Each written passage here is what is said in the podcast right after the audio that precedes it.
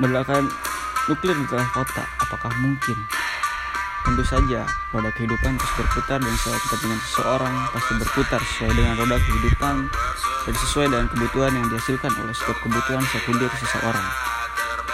Di sini sekunder, bukan primer. Apalagi ketika pemikiran seperti ini menjadi satu dan akhirnya menjadi kelompok yang berpikiran serupa dan semakin dekatlah mereka dengan tujuan untuk merealisasikan agenda tersebut.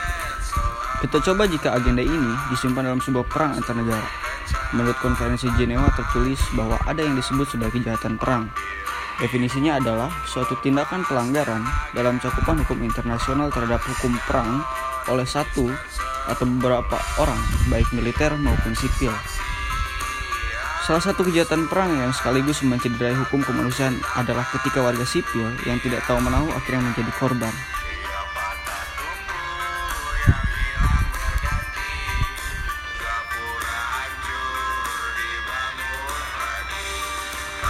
Nuklir adalah salah satu senjata yang tidak bisa diukur secara absolut dampak ledakannya. Kemungkinan terbesar ketika berjuta-juta rakyat sipil terkena imbas akibat keserakahan dan kehilangan akal rasional si penguasa.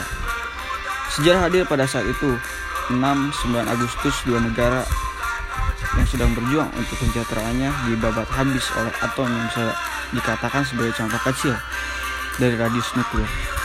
275 ribu orang tewas, itu atom, bukan nuklir. Nuklir bisa dikatakan senjata penghancur terbaik pada saat ini. Percobaan senjata nuklir di laut oleh beberapa negara dikabarkan menyebabkan tsunami berkekuatan sedang hingga tinggi yang dapat merugikan beberapa daerah pesisir. Oleh dampak percobaan ini dapat ditaksir bahwa radius ledakan dari bom nuklir mencapai diameter 500 km. Dengan kekuatan ledak seperti ini mampu menghancurkan sebuah kota hanya dalam sekejap saat ini. Bom nuklir menjadi barang yang sangat ditakutkan oleh negara lain yang tidak mempunyai pertahanan negara yang cukup kuat untuk menangkal beberapa negara seperti Rusia, Amerika, dan Korea Utara telah mempunyai bom nuklir saat ini. Bagaimana untuk negara yang tidak mempunyai nuklir dan penangkalnya? Bom ini menjadi pembahasan oleh dunia karena pabrik pembuatan bom nuklir atau pabrik tempat penyimpanan bom nuklir sering, sering kali menghadapi masalah kebocoran yang mengakibatkan tercemarnya lingkungan karena radioaktif yang keluar atas kebocoran-kebocoran yang ada.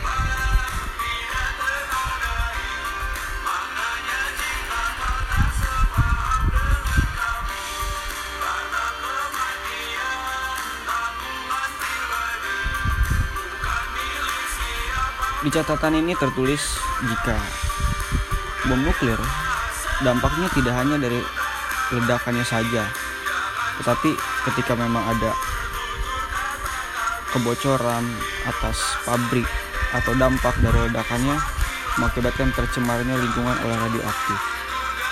Yang saat ini juga menjadi penyebab tertinggi dari timbulnya suatu penyakit kanker.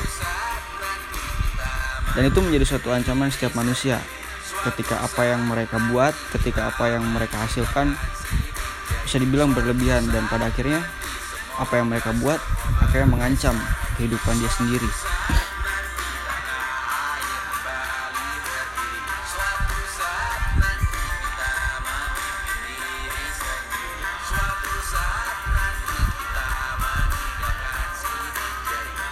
Intinya adalah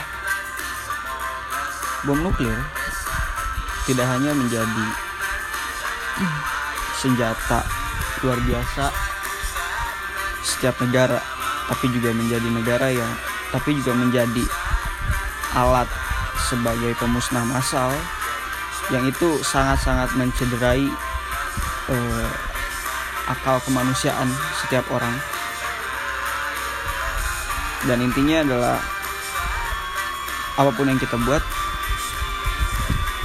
lebih baik dan seharusnya menjadi hal yang bisa bermanfaat untuk orang lain tidak hanya bermanfaat untuk kelompok yang akhirnya kita pun bakal dipuji secara etika dan secara rasional oleh orang-orang karena apa yang kita hasilkan menjadi sesuatu yang bermanfaat untuk lingkungan dan kemanusiaan untuk ke depannya. Terima kasih.